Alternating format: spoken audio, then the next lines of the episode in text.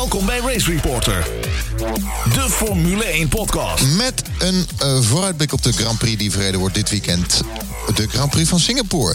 Mijn naam is Lucas Degen en ik zit hier met het inmiddels vaste team van Charles Alvin, Jeroen Scholten en Jeroen Demmendaal. Heren, stel je nog even kort even voor.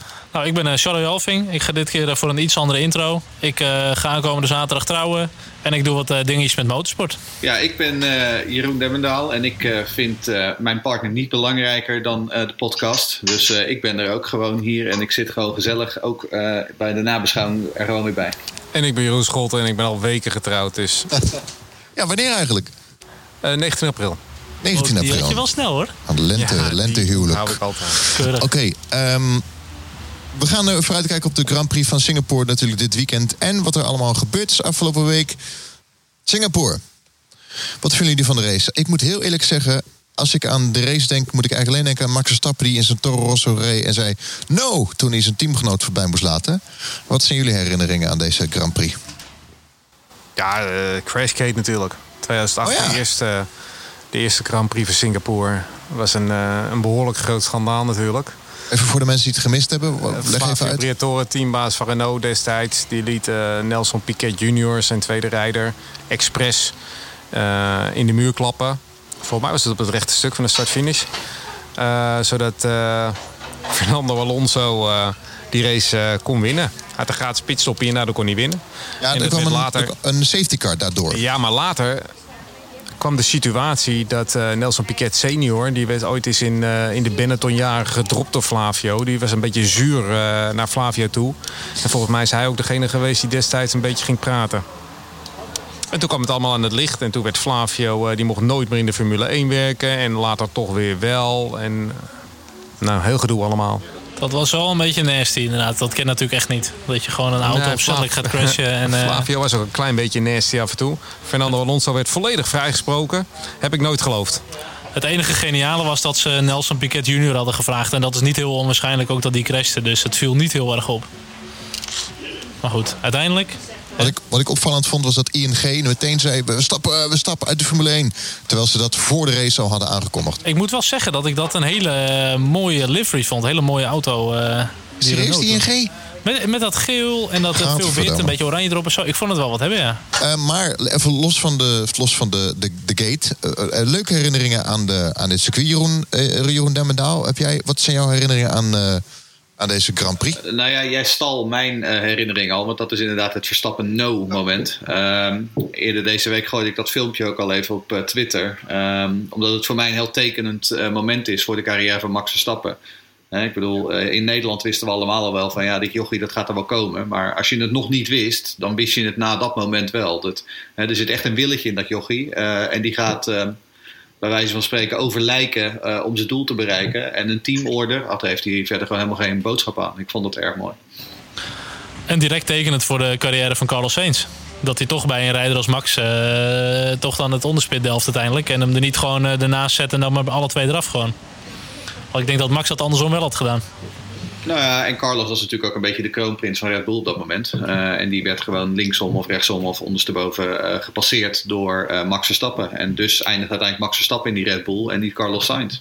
dus ja, ik denk wel dat het een bepalend moment geweest is voor de carrière van beide mannen. Ja. en dat gebeurde dus ook hier in Singapore. Ja, en mijn, mijn persoonlijk moment was Heike Koverlijn in 2010. Start-finish met zijn Caterham, die uh, langzaam uh, vlam uh, begon te, te, vatten. En dat hij inderdaad van de Marshall een brandblusser kreeg. En hij begon die Caterham daar zelf maar te blussen. Toch nog een beetje redden wat er aan te redden viel bij Caterham. Wel een mooi momentje. Nou, ik weet nog wel, in, die, in diezelfde race had Felipe Massa een wereldactie. Ja, gelooft het bijna niet, want het was Felipe Massa, maar dat was echt waar. Aan de binnenkant van Bruno Senna. En Senna die duwde hem in de muur eigenlijk. En uh, die ging weer terug. En Massa verloor bijna zijn auto, maar hij haalde hem toch. Dat was een hele mooie actie. Dat was geluk. Echt een brute actie. Ja, natuurlijk was het geluk, want dat was Massa. Ja. Um, nou ja, wat ik dus wilde zeggen is dat natuurlijk uh, Singapore ook um, uh, het toneel was van die aanrijding tussen Max Verstappen en de twee Ferraris vorig jaar. Laten we die ook niet vergeten. Twee jaar geleden. Twee jaar geleden. Oh, dat twee jaar geleden jammer. Want Singapore is toch wel Singapore is toch wel een Grand Prix waar je op een of andere manier toch wel naar uitkijkt. Omdat het best wel zwaar is voor de coureurs qua auto, uithoudingsvermogen, voor mijn hoge luchtvochtigheid. Ik dat het in donker is. Het is verder voor hun qua race maakt het niet heel veel uit. Maar de ambiance is natuurlijk wel heel erg tof. Gewoon, uh, ik vind het er heel mooi uitzien. Nou ja, en het is een stratencircuit. Ik ben een groot fan van stratencircuits. Ik weet dat Jeroen Scholten dat helemaal niet is. Um, maar ja, ik vind Singapore... het, is, het is niet echt dat je zegt een klassiek stratencircuit. Want er zijn nog net iets te veel uh, uitloopstroken voor mijn, uh, nee. voor mijn smaak. Maar het is wel het dichtste wat er in de buurt komt op de huidige kalender.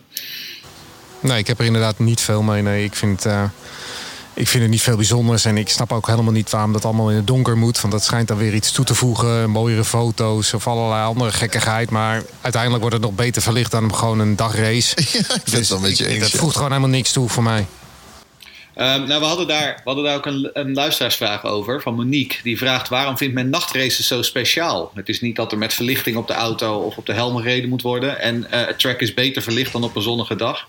Um, nou, de reden natuurlijk dat Singapore een nachtrace is, is omdat het dan uh, qua uh, tijdsverschil met Europa gewoon beter te doen is.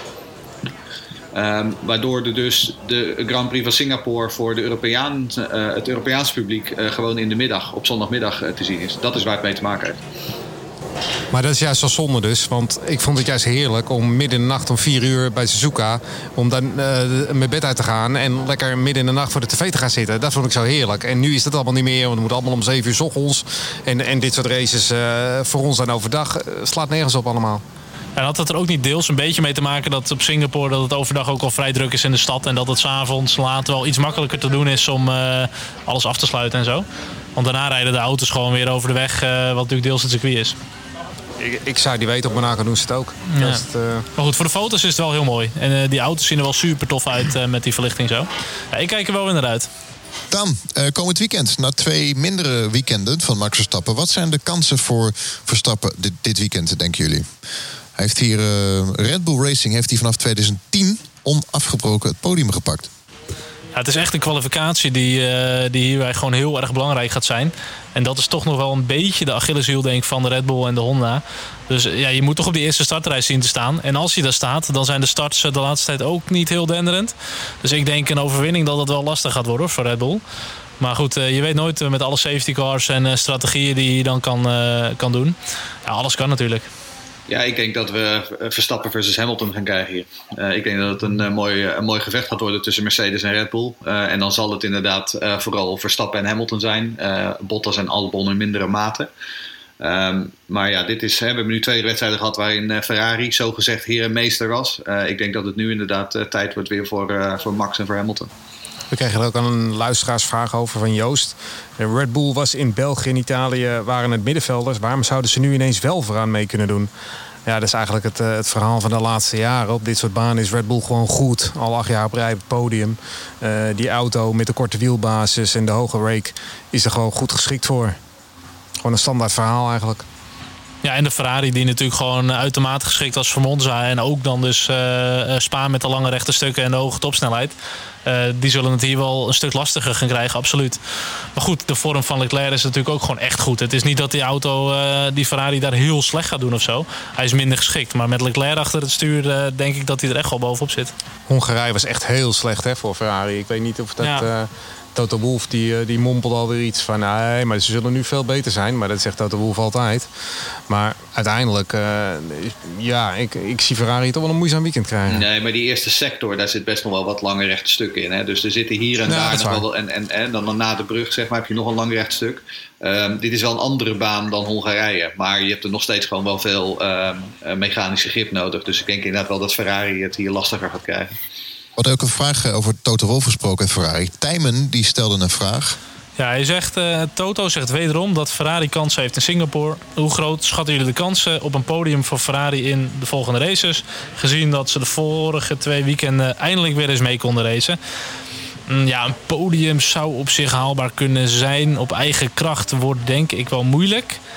Uh, hierna komt Sochi uit mijn hoofd. Uh, Ja, het zou kunnen. Dat is ook moeilijk. Dat is ook een, een, een circuit waar je wel snelle bochten hebt. Een aantal langzame, best wel wat rechte stukken. Ik vind het moeilijk in te schatten hoe ze daar uit de verf gekomen. Absoluut niet slecht. Wat ik zeg, Leclerc die gaat altijd gewoon meevechten om het podium, denk ik, op dit moment. Nou ja, en dan hebben we natuurlijk inderdaad toch de vraag inderdaad van Daniel. Want die vraagt van ja, maar kan Vettel Leclerc uh, hier in Singapore wel verslaan? Um, hij zegt, het lijkt mij namelijk zo dat Leclerc nog iets langzamer is op circuits waar hij minder ervaring heeft. Hè? Bijvoorbeeld in Singapore heeft hij nog met de Formule 2 nooit gereden. Um, en met de Sauber uh, uh, slash Alfa Romeo slechts één keer. Um, ik denk dat wat je Charles net zegt, uh, Leclerc is in zo'n goede vorm op het moment. Um, ik denk dat dat meer dan, uh, uh, meer dan, dan mogelijk zal compenseren voor inderdaad het feit dat hij misschien wat minder ervaring heeft dan Vettel hier. Um, dus nee, ik denk eerlijk gezegd nog steeds dat Leclerc de topper gaat zijn bij Ferrari. Ja, en sowieso, hij heeft al iets ervaring in Leclerc. Maar als je natuurlijk tegenwoordig ziet hoe die benadering is naar zo'n raceweekend toe met de simulator. Ze kennen die circuits, goede trackwalk, ze bouwen de sessies ook gewoon op. Voor die gasten hoeft dat in theorie niet echt een probleem meer te zijn om echt uh, competitief mee te kunnen doen. Want Guido die vraagt: wat kan en moet Vettel doen om zijn seizoen en misschien wel zijn Ferrari-carrière te redden? Uh, en dan vraagt hij daarnaast ook nog hoe goed is Albon echt. Nou, dan zal ik met de, de laatste starten. Ik denk dat Albon best heel goed is. Maar zoals we volgens mij ook al in de nabeschouwing van Monza zeiden... dit wordt de eerste echte test voor Albon. Um, want nu uh, gaan hij en Max uh, direct uh, tegen elkaar, um, gaan ze direct de degens kruisen. Um, en wat moet Vettel doen om zijn seizoen te redden? nou, ik denk dat Vettel eerst maar gewoon eens minder fouten moet gaan maken. Uiteindelijk heeft het daar gewoon mee te maken. Vettel maakt veel te veel fouten, ook daar hebben we het al eerder over gehad. dus gewoon is een foutloos weekend zou, zou wel helpen. Ja, absoluut.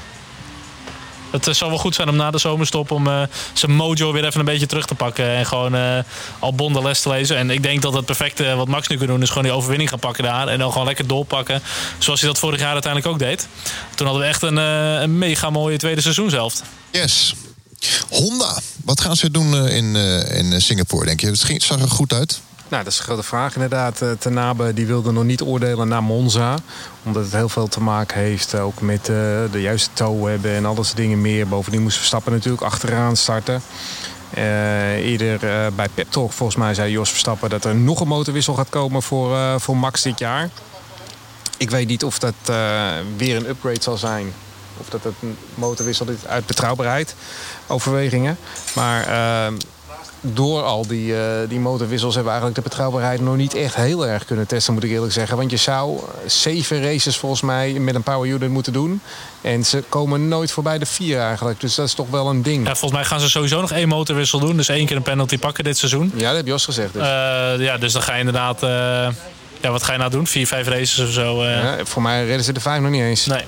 Maar goed, op zich ook wel goed. Want als jij met een motor 7 races moet doen, dan moet je hem dusdanig op een gegeven moment gaan knijpen dat je het risico gaat verkleinen. Je gaat niet te veel stress geven. Als je met zijnzelfde motor maar 4 races hoeft te doen, kan je hem in theorie ook wat meer risico gaan nemen. Ja, en ze willen natuurlijk in Suzuka goed voor de dag komen. Dus daar zal het uiteindelijk ook altijd wel mee te maken hebben. Dat is een heel belangrijk ding, ja. Nou, met Monza, met die, met die topspeeds, uh, zaten ze er ook niet heel erg goed bij. Als je de staartjes bekijkt. Albon die zat wel heel hoog op de finishlijn, maar die zal waarschijnlijk een toe hebben gehad. Want als je alle andere Honda's bekijkt, die hangen allemaal uh, ergens onderin, bungelen die. Maar goed, dat kan wel heel erg vertekenen, hè? want één keer een toe en je staat bovenin in het lijstje. Race Reporter, de Formule 1 podcast. Racereporter.nl Nieuwtjes, Nick de Vries. Oh ja, die wil ik doen. ik zag ineens mijn Twitter van de week. Zelf? Ik zag alleen maar Nick de Vries, Nick de Vries. Oh nee, maar dat, nee, dat is toch gewoon mooie dingen. Kijk, ik weet, we zijn hier niet allemaal fan van de Formule E. Het is ook nog niet de race-serie die het, die het op een gegeven moment moet gaan worden. Maar wat ik al vaker zeg, ik vind het wel een, een raceklasse waar potentie in zit. Je grote merken stappen in, nu ook Mercedes en Porsche aankomend jaar. Uh, de coureurs zijn nog steeds de B-coureurs van de Formule 1. De circuits zijn nog steeds de, de beetje waardeloze straatcircuits. Het is nog steeds plastic tegen plastic. Maar ik zie nog steeds potentie erin, puur voor de autofabrikanten. En ik denk wel dat de aandacht die ze gaan krijgen, dat het alleen maar meer wordt.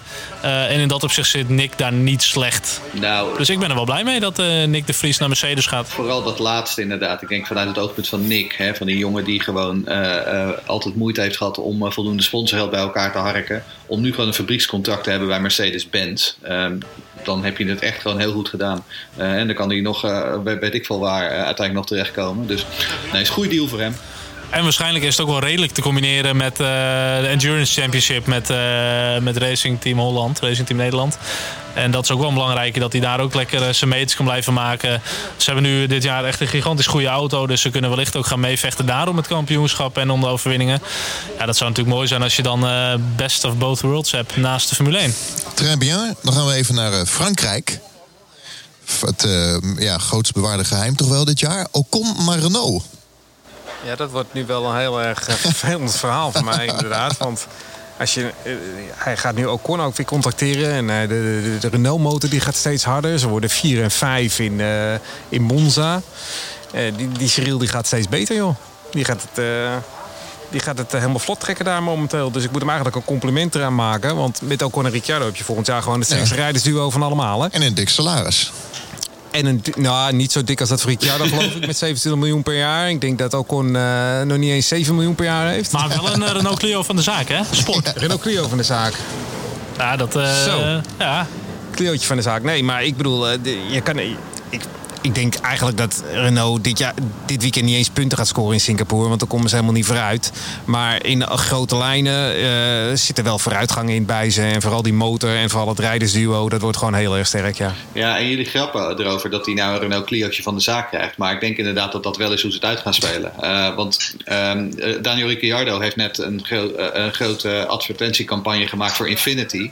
En het, het, is duidelijk dat ze Ricciardo als een soort van boegbeeld voor Infinity willen gebruiken. En dan gok ik dat ze de Fransman uh, Ocon als een soort boegbeeld voor Renault gaan gebruiken.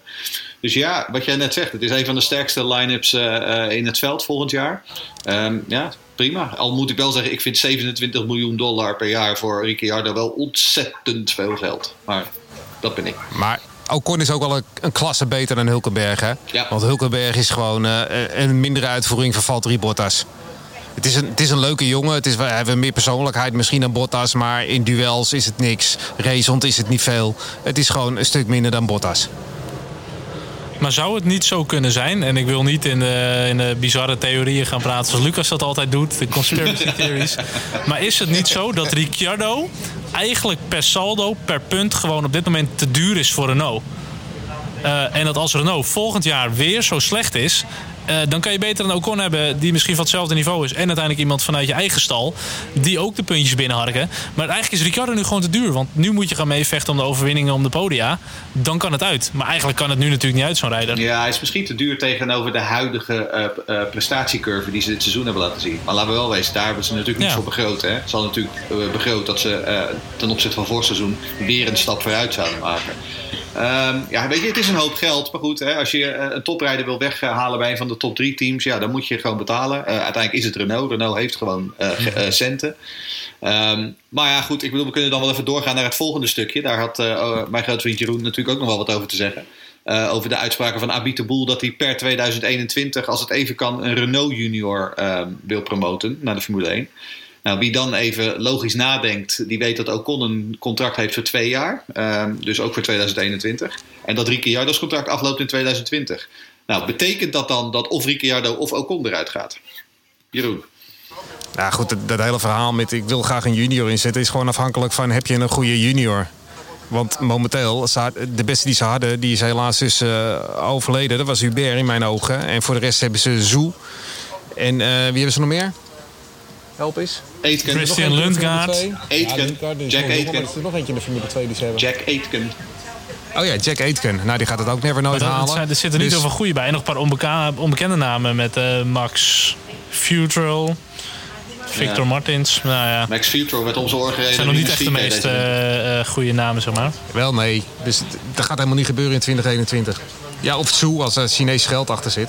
Die heeft het tot nu toe wel redelijk gedaan in de Formule 2. Beter dan we hadden verwacht. Maar goed, ja, dan lopen we wel vaker op de geinen met Jeroen S. Maar ja, dat, is ook nog geen megatalent. Maar Renault uh, heeft geen tweede team. Renault heeft ook niet zoals nee. Mercedes de mogelijkheid om bij Williams iemand te stallen of bij Force India iemand te stallen. Want McLaren nee. gaat natuurlijk niet zeggen van joh, geef mij even lekker een B-coureur van jullie. Nee, eens. Ander nieuwtje wat uh, naar buiten kwam uh, was dat Williams tot 2025 met Mercedes-motoren blijft rijden.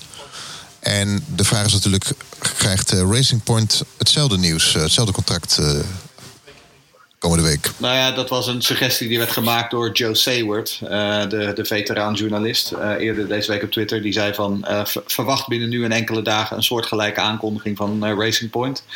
Um, ik vind het vooral opmerkelijk, want ik vraag me af, is, het, is Mercedes nog steeds in de Formule 1 per 2025?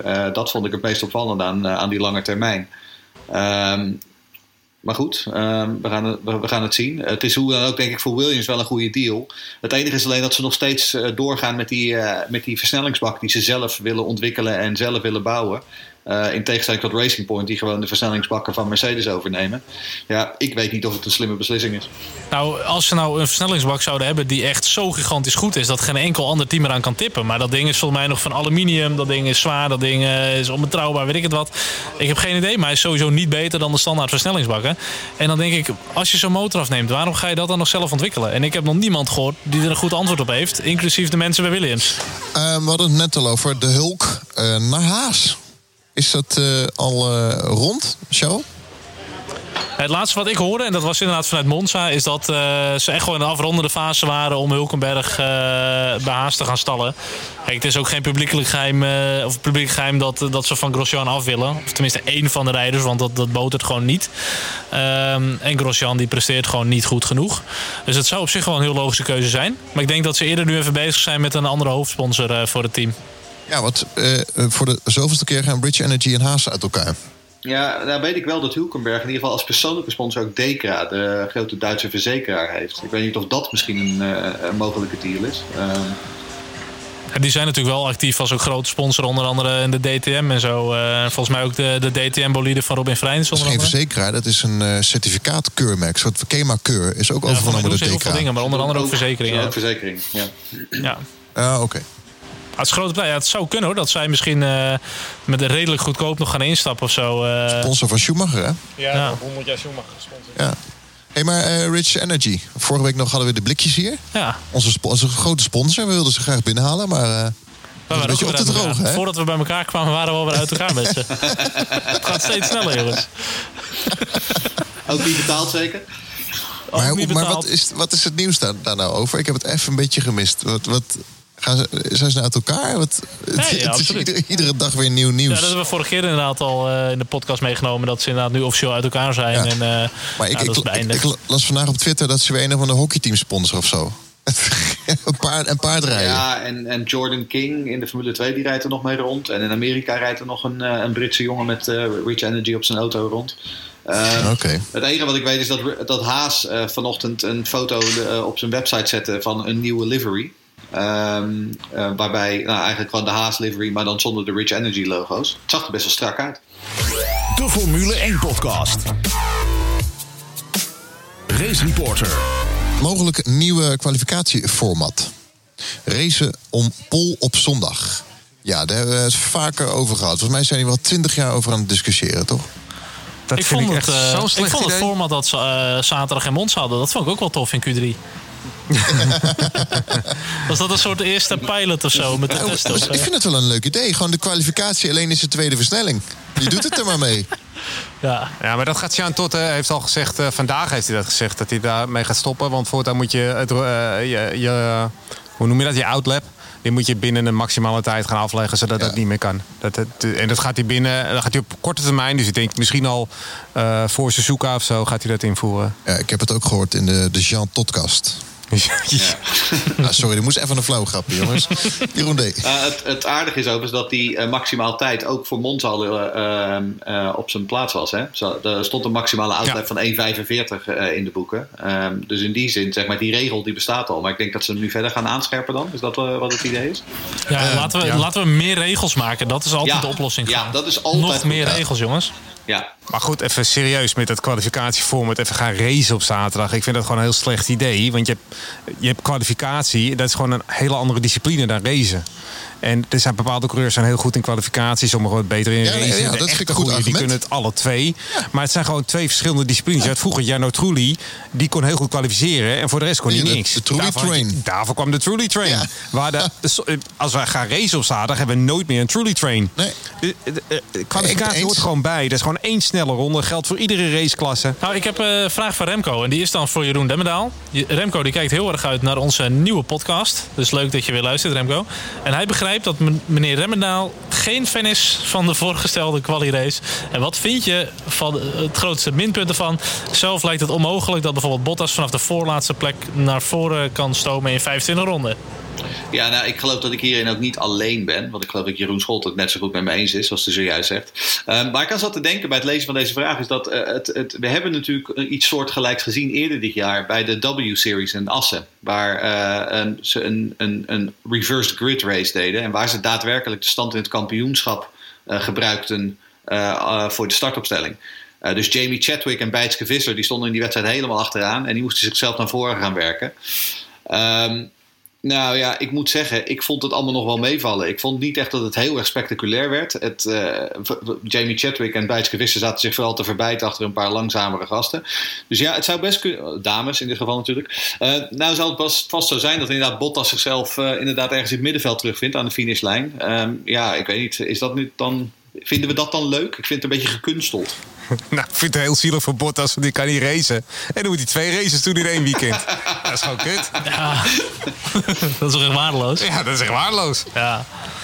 Nee, maar het lijkt mij sowieso. Kijk, alles kan, alles kan veranderen als het nodig is. Maar er zitten toch bepaalde dingen die echt in het DNA zitten van de, van de Formule 1. En dat is toch alsof je een beetje gaat voetballen zonder voetbal op een gegeven moment. Dat ik denk, sommige dingen horen er gewoon bij. En kijk, ik ben echt gewoon fan van de Formule 2. Je hebt een hoofdrace, daar gaat het om de grote knikkers. Daarna heb je een sprintrace, daar gaat het om de kleine knikkers. En dan kunnen ze wat meer risico nemen. Maar als je hebt zo'n quali-race eh, die auto kapot rijdt, ja, dan heb je gewoon weer een probleem. Uh, of je start achteraan, of uh, ze krijgen het niet op tijd af, whatever. Ja, ik, ja ik, het, het, wordt met te veel gimmick gewoon allemaal. Ik ben het met jullie eens, maar voor mij mag Q1, 2, 3 ook helemaal weg. Laat gewoon, iedereen gaat, gaat gewoon, als ga je een uur wachten en de laatste vijf minuten knal je hem de baan op. Maar wat vinden jullie van het idee dan om net als DTM een mini-race te doen, een sprintrace op de zaterdag? Ja, dat, of is dat een andere discussie? Wat hij net zegt, wat Charles net zegt, de Formule 2 heeft dat ook. Maar de Formule 2 is een juniorklasse, daar moeten ze het nog leren. Dus daar heb je ook met de reverse grid en leer je racen. Maar dat, bij de Formule 1 is de koningsklasse gewoon normaal kwalificeren. En gewoon een race van anderhalf tot twee uur, klaar. Ja, aan de andere kant is het natuurlijk ook zo dat bijvoorbeeld als je kijkt naar de supercars in Australië, daar rijden ze ook twee uh, en soms zelfs drie races in een weekend. Hè? En dat is dan het hoogste niveau van de touringcars in Australië. Dus ik denk het kan wel, maar dan zou je bijvoorbeeld de T-car weer moeten invoeren zodat inderdaad, als je dan in de sprintrace op zaterdag je, je auto kort rijdt, dat je dan in ieder geval nog een reserveauto in kunt zetten, zodat je op zondag bij de hoofdrace gewoon mee kunt doen. Want dat is natuurlijk ook het nadeel in de F2. Dat soms inderdaad op zondagochtend dat je gewoon een aantal gasten hebt die het gewoon niet redden. Uh, of die vanuit de pitstop moeten starten met vijf ronden achterstand omdat hun auto uh, kapot is. Ja, dat is het. En dat is met de Formule 2 wel. Als jij de hoofdrace uh, verprutst of je gaat stuk of whatever, ja, dan, dan scoor je het hele weekend gewoon geen punten meer. Dan ben je gewoon klaar. En dat, dat vind ik niet heel goed eraan. En wat Jeroen Scholt al zegt, het is de koningsklasse van de autosport. Je hebt gewoon één race, daarin moet je het gaan doen. Maar ik snap wel dat Liberty ook de zaterdag en misschien ook de vrijdag iets aantrekkelijker wil maken. Iets meer spektakel voor de fans. Maar goed, voor mij, wat mij betreft hoeft het niet. Ik uh, geniet er altijd wel van. Nee, je kan ook geen kwalificatie op, op vrijdag doen, hè, want dan is, zit niemand thuis. Nee. Is iedereen aan het werk. Maar eigenlijk zeggen ze nu, ja, het is saai, laten we maar weer wat verzinnen om het weer leuk te maken. Zo komt het er mij een beetje over. Maar goed. Maar het is leuk. Ja, je moet er gewoon vanaf dus blijven. Ja, gewoon zo doorgaan. Vanaf. Het is gewoon leuk. Qua, qua entertainment waren zijn mensen natuurlijk ook gewoon uh, verwend tegenwoordig. Het moet altijd maar actie zijn. Ja, en veranderen en nog spannender. En data erbij pakken. En ja. enquêtes. Joh, uh, het is gewoon mooi zoals het is. En heb je, maar dat is met pretparken ook. Dat moet ook serieus. Er moet ook steeds meer adrenaline en anders. En dus aan de andere kant, ja, het moet ook wel weer veranderen. Ja, of worden wij nou gewoon een beetje oude lullen of zo? Ja, ja ik zeker. Allemaal, ja. Ik zeker. Ik ben dan nog wel de jongste. Maar, ik ben nog wel de jongste, maar... Uh, ik ben de enige die nog geen grijze haren krijgt, volgens mij. Nog, daarom zijn, we, daarom zijn we geen vlog, geen potvlog. nee, dat is waar. Te lelijk voor tv en te mooi voor radio. Ja, precies. Dank je. Voorspelling. Uh, dit keer ga ik als laatste. Uh, nou, ik begin wel. Ik begin wel. Um, ja. Max gaat hem winnen. Gewoon omdat ik wil dat hij hem wint. Uh, ik weet niet of hij hem gaat winnen, maar hij gaat hem winnen. Uh, Hamilton wordt twee. En ik denk dat Albon derde wordt. Gewoon omdat het leuk is. Ja, en tiende wordt... Oké, ja, leuk. Tiende wordt... eh Lance Stroll. Nee, ik denk dat eh, Lewis Hamilton gaat winnen. Voor Max Verstappen, net als vorig jaar, volgens mij. En derde wordt dan, eh, nou, Albon, dat ben ik wel met eh, Jeroen eens. Ja. Tiende wordt eh, Daniel Ricciardo. Ik ga iets heel stoms zeggen, maar ik denk dat Lewis en Max elkaar er vanaf tetsen. En dat Bottas hem gaat winnen. En dan Leclerc 2, Vettel 3. En tiende wordt Albon. Keurig. Ik ga dan voor eh, Hamilton voor de winst, omdat hij ook gewoon de betere start pakt. Max P2, gewoon strak erachter. Bottas 3. Mercedes gaat het gewoon goed doen. En op P10 zetten wij eh Hulkenberg. Volgende week, nabeschouwing van deze Grand Prix. Niet met Charles en Jeroen Scholten. Charles, jij gaat trouwen. Niet met Jeroen hoor. Oh, oké. Oh, dat valt tegen. Dat valt wel op dat we er ineens alle twee niet Dan ben zijn. ik er volgende week wel, eh, Lucas.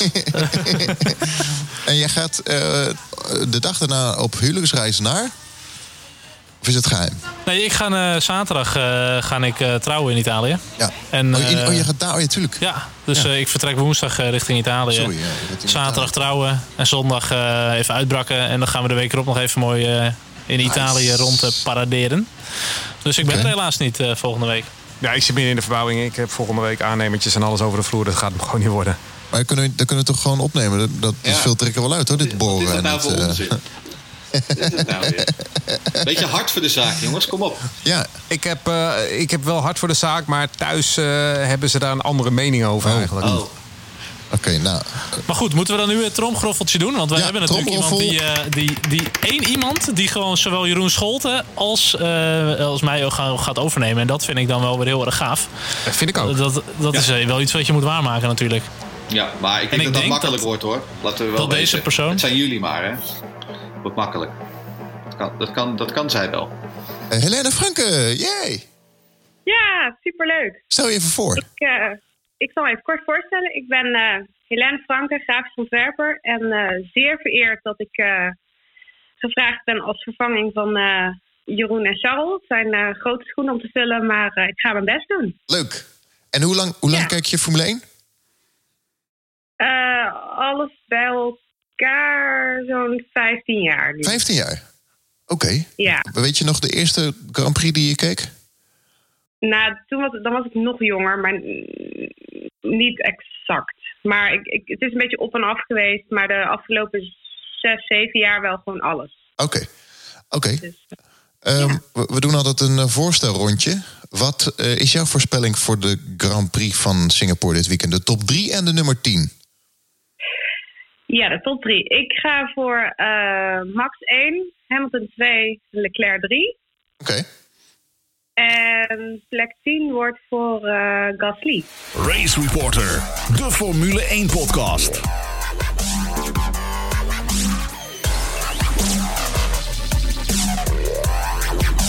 Formule1podcast.nl Ik wil nog even onze eh, donateurs bedanken. En supporters. Supporter Frederik, die heeft eh, zeer geholpen aan deze eh, uitzending. Ja, gaaf. En, ja, super bedankt. En Jeff eh, Koopman heeft ja, van bedankt. de, de Rich Energy blikjes. Ja, precies. Ja. Wat vond hij ervan?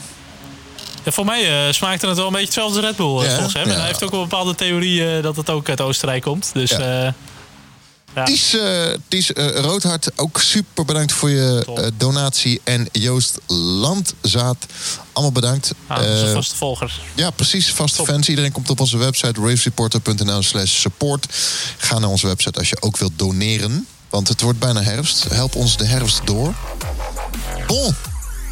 Ik zeg, eh, heren, dank jullie wel. Mag ik jullie wel vast heel veel succes wensen? En dan eigenlijk met name Helene. Ja, sterkte vooral Sterkte voor Helene. ook.